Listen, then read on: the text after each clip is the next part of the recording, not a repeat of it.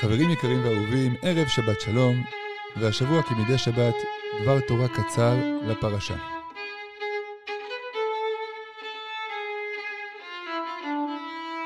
הברכה האמיתית. לא פעם יוצא לנו לפגוש אדם שמרוויח משכורת מכובדת בחודש, ולהפתעתנו הרבה הוא לא סוגר את החודש. הוא מתלונן שהוא במינוס, בחובות, ולעומתו אפשר לראות אנשים שמרוויחים אולי אפילו עשירית ממנו, והם בלי מינוס בבנק, ואפילו חוסכים כל חודש. הדבר הזה נקרא ברכה. יש ברכה בכסף או אין ברכה בכסף. כי לברכה של אלוקים יש שתי אפשרויות.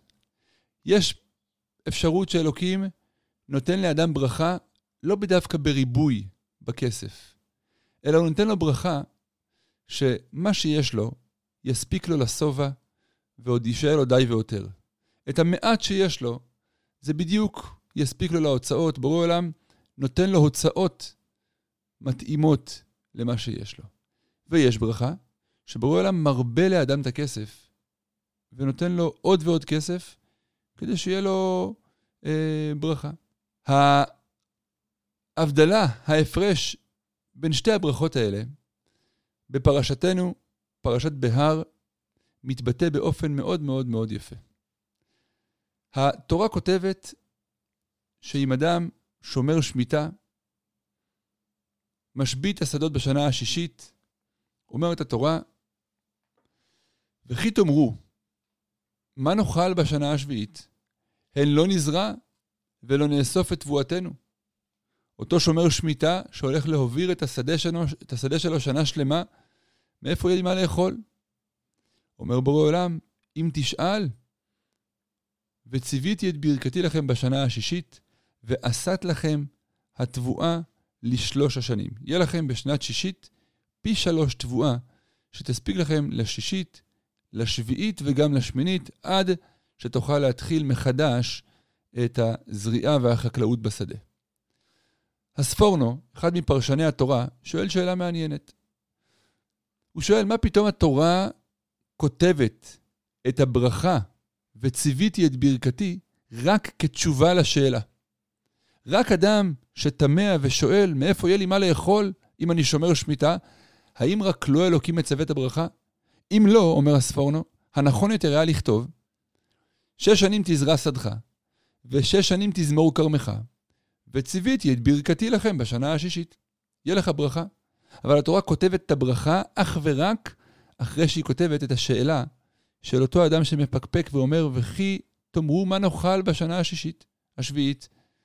כתשובה לשאלה, מגיע וציוויתי. כך שואל הספורנו שאלה חזקה ומהדהדת. אומר הספורנו בדיוק את מה שאמרנו מקודם. באמת, אדם שלא שואל, שלא מפקפק ולא מסתפק, אלא באמונה תמימה הולך עם בורא עולם, לא באמת אלוקים לא ייתן בשנה השישית פי שלוש, אלא מה שיצמח לו בשישית יספיק לו לשלוש שנים. תהיה לו ברכה מהסוג היותר איכותי.